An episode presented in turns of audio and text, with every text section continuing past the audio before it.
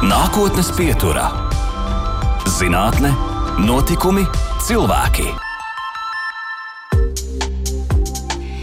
Jau iepriekš atvainojos es, tas nav zem kontroles. Mūs visus vada DNS. Tā skan piedziedājums Aijas Andrejos pirms desmit gadiem par hītu kļuvušajā dziesmā. Par DNS var ne tikai dziedāt, tas noder arī noziegumu atklāšanā.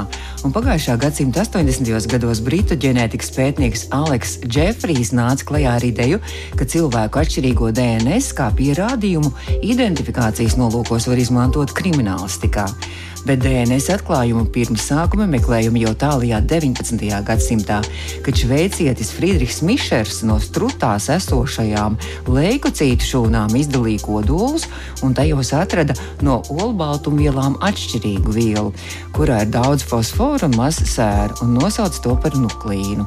Vēlākie pētījumi apliecināja, ka nuklīna sastāvā ir divu veidu nuklīna skābes - dezoksīribonuklīna skābe un ribonuklīna skābe.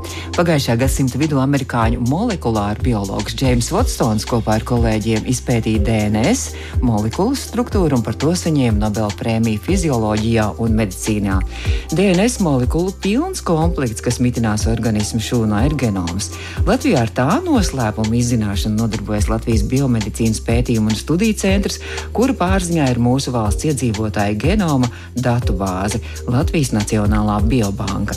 Un nesen biomedicīnas pētījuma centra zinātnieki nāca klajā ar visai intriģējošu faktu, ka Latvijas iedzīvotāju genoma struktūrā dominējošā esot zilā krāsa, kas liecinot par visai reto mednieku vācēju genomu.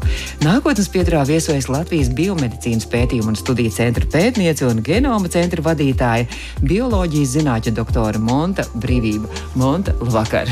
Sveiki! Nu, tāda maza mana ievadu lekcija bija mazliet, tad jūs arī varēsiet turpināt turpināt.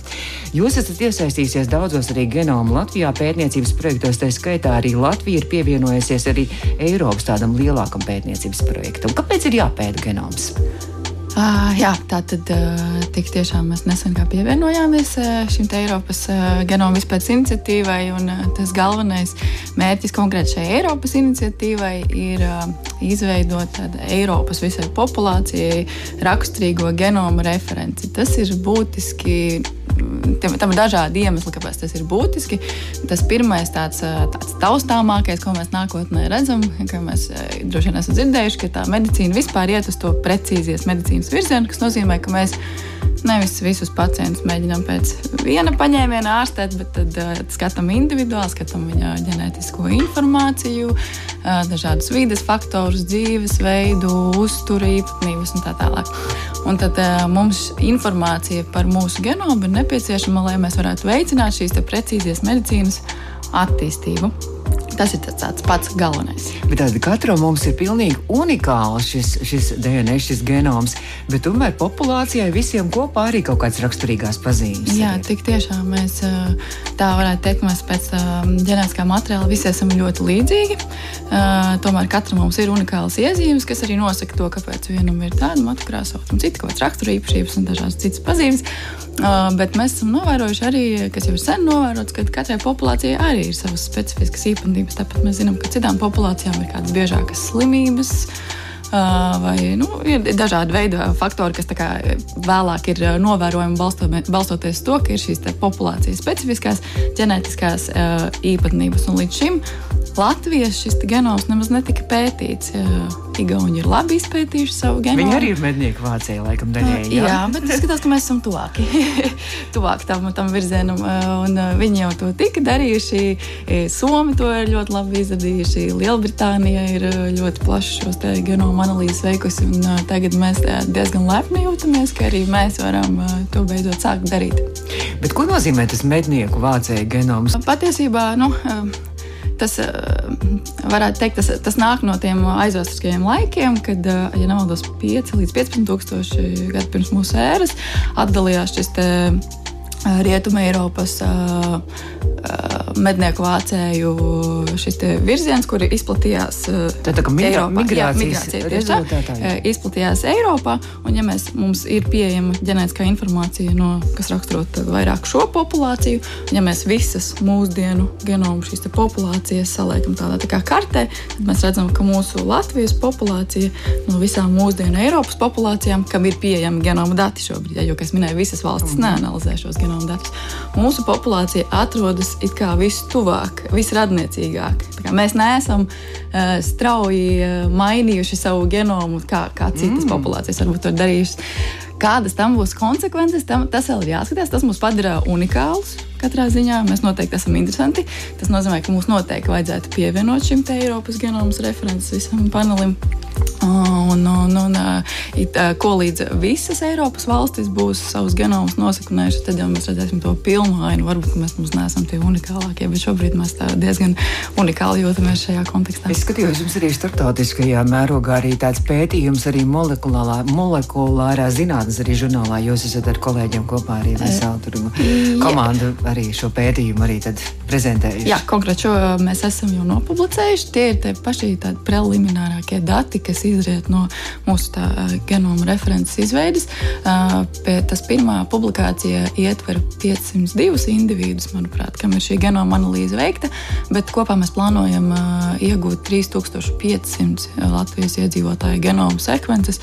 Tātad tas darbs vēl joprojām turpinās, un tas bija tāds kā pirmais ieskats, lai parādītu pasaulē, ka mēs jau kaut ko darām un kad, kad informācija no mums noteikti sekos. Mēs varam prognozēt arī mūsu veselības stāvokli un vispārējo. Tātad populācijai kopā katram cilvēkam arī atsevišķi. Jā, tieši tā. Tas ir tāda divi zaķeri un šāvieni, varētu teikt. Šobrīd esošais projekts tas ir fokusēts tieši uz to populācijas raksturošanu. Ja mēs neesam plānojuši esošo projektu ietvaros sniegt katram individam rezultātu, ko mēs esam noskaidrojuši viņa genomā. Tad pagaidām tas tikai uz populāciju, bet jāņem vērā, ka mēs um, iegūstam tādu ref, tāpēc to sauc par referenci, ka tas tiks tālāk izmantots, lai precizētu uh, gan jau šobrīd iegūtos genomu datus, gan arī tos genomu datus, kas tiks iegūti. Jo tas, kā tā analīze notiek, ir, ka mēs iegūstam, piemēram, manu vai jūsu šo genomu sekvenci. Un, lai noteiktu, vai kādas izmaiņas tur ir, mēs viņu salīdzinām pret referenci. Līdz šim šo referenci mēs ņēmām ne no Latvijas populācijas, jo mums vienkārši nebija tāda data. Mēs ņēmām no Eiropas populācijas. Tas nozīmē, ka mēs neesam pietiekami precīzi. Mēs, mēs apzināmies, ka mēs pieļaujam kaut kādas kļūdas, ka mēs nepareizi varam noteikt kaut kādu droši vien nelielu procentu šo nomaiņu, variāciju. Tas var saukt arī par mutācijām. Un tagad, kad mums būs šī reference, mēs zinām, ka mēs varēsim šīs nomaiņas noteikt krietni precīzāk. Ne tikai tiem datiem, kas vēl tiks iegūti nākotnē ģenētiskajā testēšanā, bet arī patiesībā tiem datiem, kas jau tagad ir iegūti. Bet kas ir tā genoma sekvence? Cik tā gara ir? Tas ir laikam milzīgs skaitļu vai burtu virtene. Jā, varētu teikt, ka ja mēs nu, manā datorā tas mm -hmm. izskatās pēc tiešām burtu virtenes. Cilvēka genomā ir 6 miljardi bāzu šie nukleotīdi, ko jūs jau ievadā minējāt, tādi ir 6 miljardi. Kaut kādi burtiņi, jā, jā, tie simboli. Jā, ir četru veidu. Tās tie nukleotīdi - adenzīns, eh, timīns, gonīns, citozīns, un viņi dažādās kombinācijās, tādā kā ķēdītē, arī tiek eh, nolasīti veicot eh, genoma analīzi. Bet droši vien tad jau jums palīdz krietni arī mākslīgais intelekts šajā, vai ne? Mākslīgais intelekts tagad sāk pievienoties tieši tādā interpretācijas virzienā, bet vispār kompjutora resursi, protams, tiek patērēti ārkārtīgi lieli. Teikt, ja desmit gadus atpakaļ mēs fokusējāmies uz tīri jaunām tehnoloģijām, kas veic to sekvenēšanu. Tas bija pats galvenais, kāda būtu to lētāk, ātrāk, padarīt pieejamāku. Tad tagad galvenais uzsvers ir uz datu analīzi, jo mēs spējam sekvenēt daudz, visu to var, bet datus analizēt ir gan resursietilpīgi, domājot par computer resursiem, gan arī tīri cilvēku resursu ietilpīgi. Mums arī vajag tādu specifisku novirzienu arī Latvijas universitātē. Tagad bioinformātiku mācīja ievērojami nu, specifiskāk, un uh, mums nepieciešami šie kolēģi, kas spēj datus analizēt. DNS ir visām dzīvajām būtnēm, un arī nedzīvajām būtnēm, tā teikt, arī augiem. Arī, ja? Jā, tieši tā. Un arī vīrusiem daļēji, arī, jo vīrusi arī laikam ir dzīves. Kādas ir atšķirības? Vai atšķirības starp cilvēku un vīrusu tieši DNS ir, sāksim ar genomu izmēru, tur ir krietni mazāk, bet arī vīrusos ir liela variabilitāte tajā ģenētiskajā materiālā. Tas var nebūt tikai DNS, varbūt arī šis jūsu minētais RNS. Tur ir krietni lielāka variabilitāte, un tā kā šīs vīrusu daļiņas vīrus ļoti strauji vairojās, tas ir tas galvenais, kāpēc arī mēs tik ātri varam inficēties, ja viņa tā vairošanās ļoti strauja, viņš arī strauji parasti parasti pieļauj kļūdas, ko mēs Covid-19 gadījumā novērojam, kad daudz šīs mutācijas ātri radās, jo pie, pie tādas ļoti straujas izplatības eh, mēs varam redzēt ļoti lielu tādu mainību, kas cilvēkam patiesībā tā nenotiek. Arī cilvēkam šūnām daloties, tiek pieļautas šīs kļūdas, bet eh, kā, nu, tās konsekvences nav uzreiz tik lielas, kā tas ir vīrusam. Ja cilvēka DNS ir arī kādas šīs kļūdas un bojātās arī šīs šūnas, tā varētu teikt, tad arī eh, viņas pašas šūnas pašas arī daļai tiek galā un arī veids šos labojumus un kļūt labojumus. Jā, tik tiešām ar visiem organismiem patiesībā, vēl nevaru teikt visiem, bet lielākajai daļai ir šis kļūdu labošanas mehānisms, arī vīrusiem tāds ir, un, protams, arī cilvēkiem. Un, ja cilvēkiem uh, kaut kas noiet greizi šūnu labošanas mehānismā, tad uh, lielākoties, piemēram, onkoloģiskas saslimšanas mēs varam redzēt, ka šūnas, piemēram, nekontrolēti sāk dalīties, uh, pat šūnu masa pieaug kaut kur nekontrolēti vai ir viņas kaut kādas defektīvas un tā tālāk. Bet jā, diezgan smalks tas mehānisms, tur ir dažādi veidi, kā tas tiek darīts. Vai šajā genoma izpētē, tajā pirmajā, varbūt arī posmā, jūs jau esat kaut ko prognozējuši vai secinājuši, kādas tad ir teiksim, Latvijas populācijas iedzīvotāji tādas riska, riska slimības nākotnē, ar ko mēs varētu mm, rēķināties? Jā, diemžēl ar nožēlu jāatzīst, ka mēs neesam paspējuši to izdarīt, bet arī mums tā ir galvenā interese, uz ko turpmāk fokusēties. Ko līdz tā parauga būs lielāka, tad arī rezultāts būs informatīvāks, bet mēs tiešām plānojam apskatīt tās mutācijas, kas varbūt mūsu populācijā populācijā ir biežākas nekā citās populācijās, un plānojam arī ar ģenētiķiem viņas izdiskutēt, vai tas kaut kā atbilst reālajai situācijai, ko viņi klinikās redz. Un, un tad varbūt varam izdarīt kaut kādus secinājumus vai atkal kaut kādas preventīvas darbības veikt. Ko DNS vēl palīdz arī noteikt? Nu, teiksim, varbūt arī kaut kāds uzvedības modeļus cilvēkam, kaut kāds konkrēts DNS, tās, tās visas kombinācijas un ķēdes. Uh, tā neesmu tā pētījis tieši uzvedības modeļus. Uh, parasti ir tāds, tāds klasisks pazīmes, kas tur ir augums, ja, nu, tāds O, ir tādas slimības, parasti iedalītas ir tādas, kuras tīri ir ģenētiskas, un tādas, kuras kombinējas gan no ģenētiskiem, gan vidas faktoriem. Manā es uzskatu, ka nu, nu, visur jau tā ģenētika piedalās vairāk vai mazāk arī uzvedībā beigās. Ja varbūt uzvedības gadījumā es teiktu, ka arī mūsu pieredzē ir liela nozīme ne, tam, kā, ko mēs esam dzīvē pieredzējuši. Tas var noteikt, kā mēs reaģēsim turpmāk uz līdzīgām situācijām. Mēs turpināsim nākotnes pieturu pēc brīža. Laiks arī mazliet mūzikai, un mūsu studijā šodien viesojas Latvijas Biomedicīnas pētījumu un studiju centra pētniece, genoma centra vadītāja, bioloģijas zinātņu doktore Monta Brīvība. Nākotnes pieturā. Mēs turpinām nākotnes pieturu šo raidījumu. Pēc tam varat noklausīties arī mūsu mājaslapā, audio sētē un podkāstos lielākajās vietnēs. Latvijas biomedicīnas pētījumu un studiju centra pētniece un genoma centra vadītāja, bioloģijas zinātņu doktore Monta Brīvība šobrīd ir mūsu studijā. Monta, mēs runājam par šo genomu pētniecību un ka tas vēl šobrīd ir tikai procesā, bet mēs noteikti varam arī vērst uzmanību mūsu klausītājiem un aicināt arī mūsu klausītājus piedalīties zinātnes vārdā arī šajā izpētē, jo, jo liekas, jau pavasarī jūs aicināt Latvijas iedzīvotājus piedalīties un atbalstīt arī šo iedzīvotāju biobanku. Ko tas nozīmē? Kas jādara? Jā, tad, tad tiešām paldies par iespēju vispār kaut ko tādu pateikt. Es tiešām aicinātu tos, kam ir interese, apmeklēt mūsu mājaslapu, kas ir biomet.lu.lv. Tur es vēl šodien apskatījos. Sadaļā jaunumi ir joprojām ieraksts par to, ka mēs aicinām pieteikties tieši šim Latvijas genoma references projektam. Jūs tur atradīsiet saitu, kur var pieteikties, un tad caur e-pastu ar jums notiks komunikācija ar tādām skaidrām instrukcijām, kā tālāk rīkoties.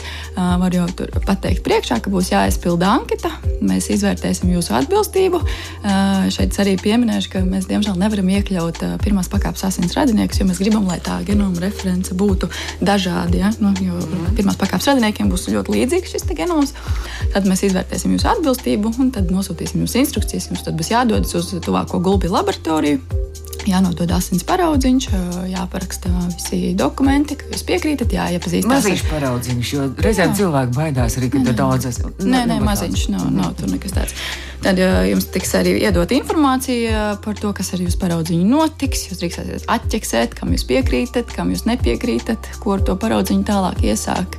Un, jā, nu tad jau mēs tālāk parūpēsimies par to paraugu, iegūsim šo genomu sekvenciju. Un, ko līdz mēs būsim tādu plašāku to kohortu, visu to paraugu kopas analīzi veikuši, tad arī mēs iepazīstināsim jūs ar rezultātiem. Ah, tā kā tāda atgriezniskā saita arī, un es varēšu iegūt arī kaut kādas mazas savas veselības rādītājas rādītājs vai prognožu? Nu, tie, kā jau minēju iepriekš, diemžēl nav, šī projekta ietvaros tas nav paredzēts.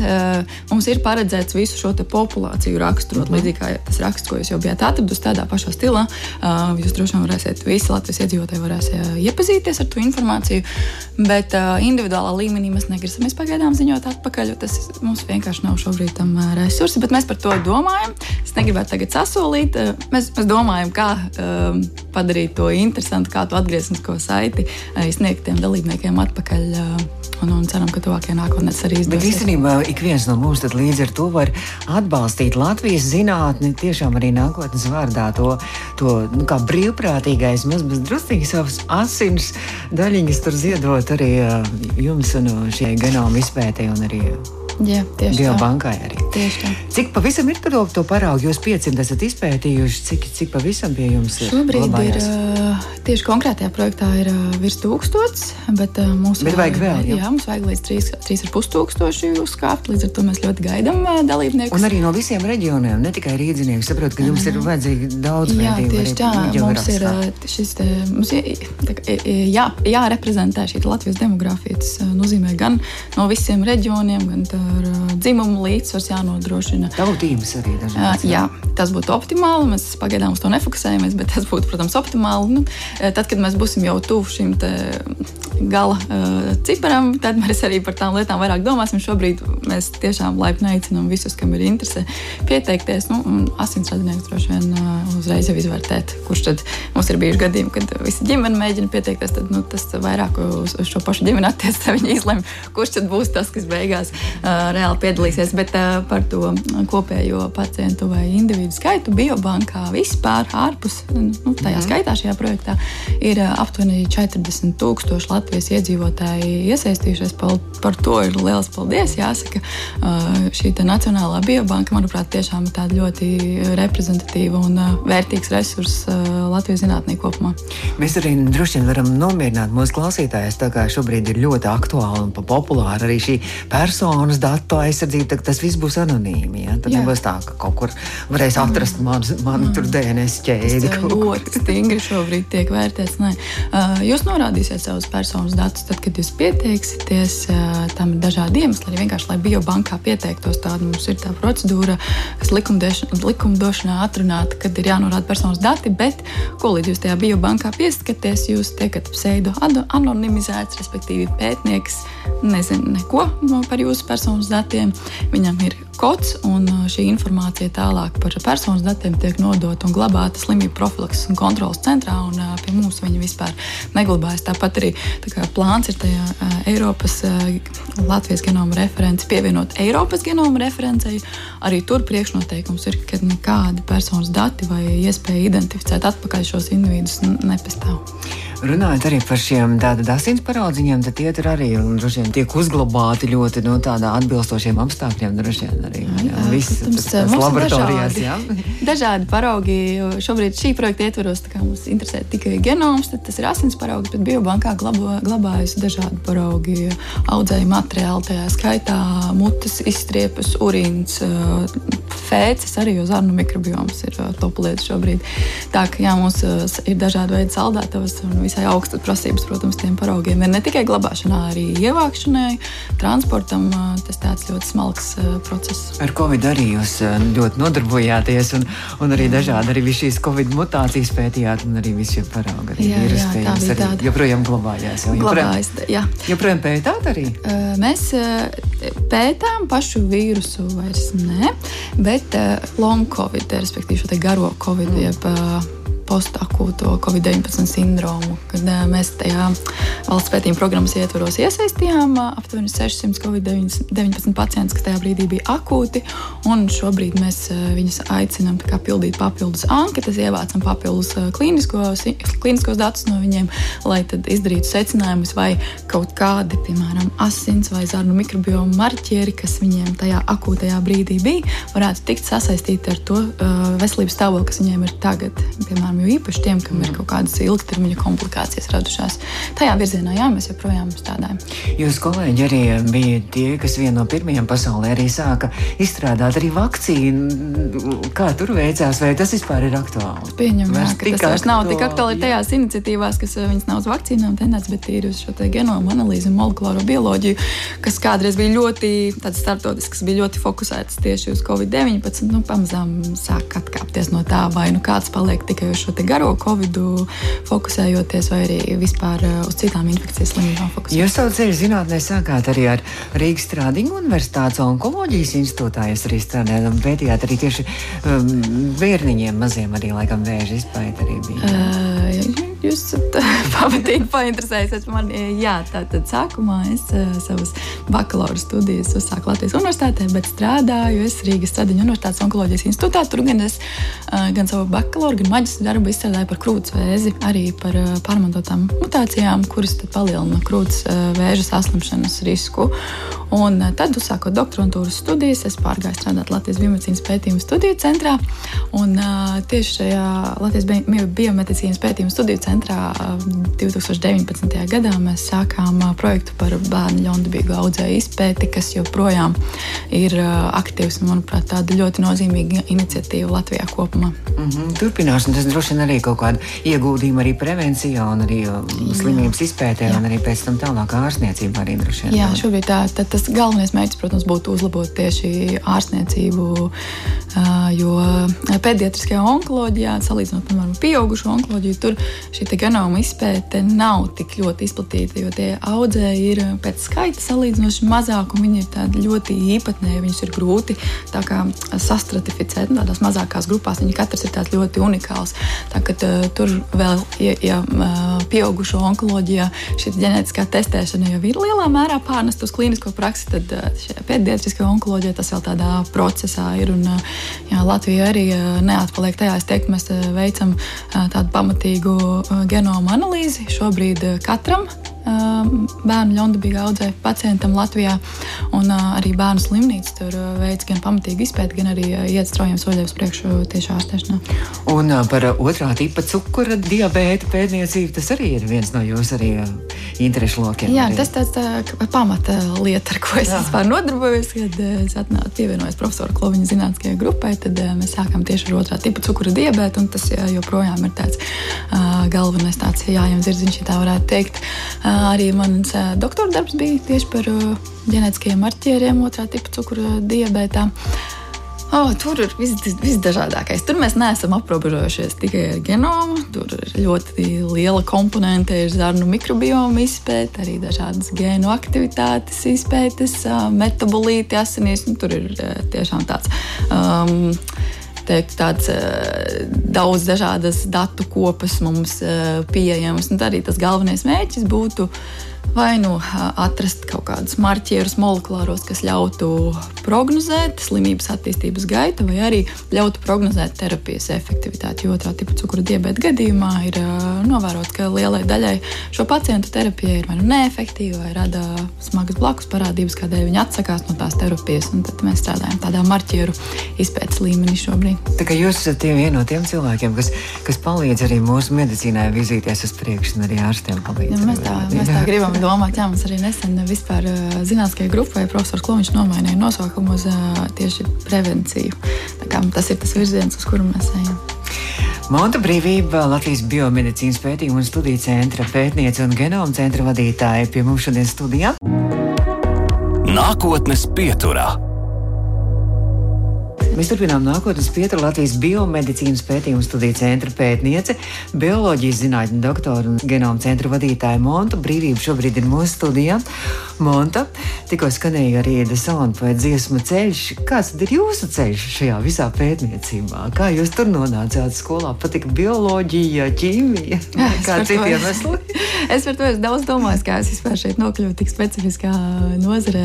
Es ļoti labi jūtos šeit, tā, es esmu apmierināta ar to savu izvēli. Bet tad, kad es sevi atceros, kad es pirmo reizi vispār tādu molekulāro bioloģiju iepazinos, kaut kad vidusskolā bija bioloģijas grāmata, kurā bija, nu, viņa tāda pabieza bija, tur bija ļoti daudz par visu kaut ko dabu, un tad bija tāds viens ļoti trūcīgs atvērums par ģenētiku, tāds, kur īsti, nu, kad viņa likās ļoti interesanta, bet, nu, bija skaidrs, ka informācijas par to pagaidām ir pārāk maz, un tas man kaut kā tā nostrādāja, ka man likās, ka šitais ir jāparok dziļāk. Es atceros, gāju mājās, googlēju kaut ko Wikipēdijā, mēģināju atrast. Tāpat eh, īpaši pārliecību nejūtu.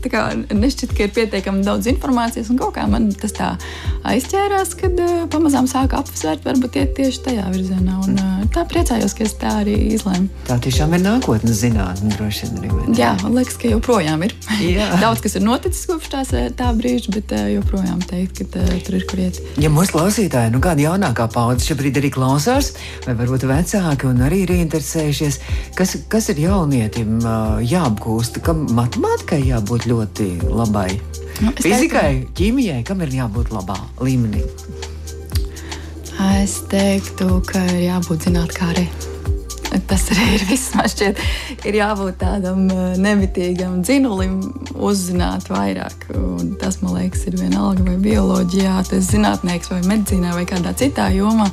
Tiešām vajadzīgs tāds uh, zinātnēkāra, un tas jau pavelk līdzi arī motivāciju kaut ko darīt un lasīt. Un, un, un vienalga, varbūt tur tāds uh, konkrēts atzīmes, konkrētos priekšmetos nav tik būtisks, bet, uh, ja tā par konkrētām lietām, tad kopš tā brīža, kad uh, es pievienojos šai, šai nozarei, viss ir mainījies. Kā jau teicu, šobrīd bioinformātika ir tas aktuālākais. Tātad es teiktu, ka uh, tieši kādas programmēšanas zināšanas un, un, un, un datoru prasmes. Tas tagad būtu tāda top lieta, lai, lai ātri atrastu savu vietu tieši molekulārā bioloģijā. Droši vien arī daļa arī ļoti aizraujoša un arī ļoti perspektīva zinātne, jo, jo man liekas, ka nu šeit katru dienu tu nevar zināt kaut ko jaunu var atklāt, vai ne? Jā, tik tiešām tas, tas ir ļoti nu, motivējoši, kad man tāda rutīna principā nav bijusi. Protams, ilgtermiņā ir varbūt kaut kāda rutīna, kad tu ražo ražo datus, tad viņas publicē un dažādas administratīvas jautājumus, kas ir ar projektu pietiekami saistīti, protams. Bet tādu īstermiņā tas ir ārkārtīgi interesanti, ka tu nekad nezini, kas tur galā iznāks. Tev ir kaut kāda ideja, ļoti gribētu, lai tā ideja apstiprinās, tā hipotēze, bet lielam tu nekad nezini, vai tā tiešām būs. Un, un pētīt ir ārkārtīgi daudz ko tādā ziņā. Covid-19 bija, manuprāt, nu, Kaut gan tāds bēdīgs, slavens, bet nu, viņš bija ļoti interesants zinātnē ar to, ka pēkšņi mēs visi pasauli bijām vienā punktā. Mēs neviens neko nezinājām. Un tomēr arī visa pasaule daudz maz sadarbojās. Jā, un tas arī kā. tieši tāds bija pirmais piemērs, kad visi tik brīvi dalījās ar tiem vīrusu datiem un komunicēja. Mēs paši komunicējām gan ar uh, Igauniem, gan ar, ar Lielbritāniju. Nu, tas bija katru dienu bija tāda komunikācija un datu šērošana. Un tā bija ārkārtīgi laba pieredze zinātnē. Es sākšu redzējumu ar to, ka kriminālistikā arī nodara arī šī DNS pētniecība un izzināšana. Vai pie jums arī var vērsties? Nē, diemžēl, diemžāl tā nenotiek pie mums. Nē, nē, nē. Mēs nesniedzam tādu veidu informācijas. Varbūt nevarēšu atbildēt precīzi par likumisko kārtību, bet mm -hmm. nē, mēs diemžēl nestarbojamies ar kriminālu. Policija nē. Īsti nē. Viņi paši viņi paši ievāc tos bioloģiskos materiālus tādos noziegumu vietās. Cik es zinu, viņam arī metodas ir krietni smalkākas, jo viņam ir tāda izaicinoša, tas bioloģiskais materiāls ir jāiegūst. Mm -hmm. Tas ģenētiskā informācija no bioloģiskā materiāla no dažādiem vietām un apstākļiem. Mums Jūs tā tīri asins, asins pilieniņi. Turklāt mēs vēl nodrošinām, lai tās asins parodziņš tiek ievākts tā, kā mums gribētos, lai viss ir skaisti. Nu, tad mēs aicinām mūsu klausītājus tiešām, tiešām kļūt par brīvprātīgiem un ziedot dažus, dažus tur dažiem miligramus asins. Jā, jā, tur ir uh, mililitri, nemaldos, uh, 6 mililitri vienā stundiņā. Mm ja Zinātnē un, un, un tiešām arī palīdzēt arī risināt daudz, varbūt nākotnē problēmas, kuras tiks arī atrisinātas saistībā ar mūsu veselību medicīnu. Es saku lielu paldies. Šodien mūsu studijas viesiņa bija Latvijas biomedicīnas pētījuma un studiju centra pētniece un genoma centra vadītāja bioloģijas zinātņu doktore Monta Brīvība.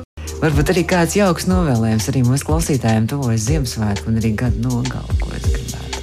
Tādu jauku pateikt. Tādu jauku, laikam, nepazaudēt pamatu zem kājām. Tādi grūti laiki šobrīd ir kaut kur mēģināt rast mieru Ziemassvētkos. Paldies! Paldies! Izskan nākotnes pieturā.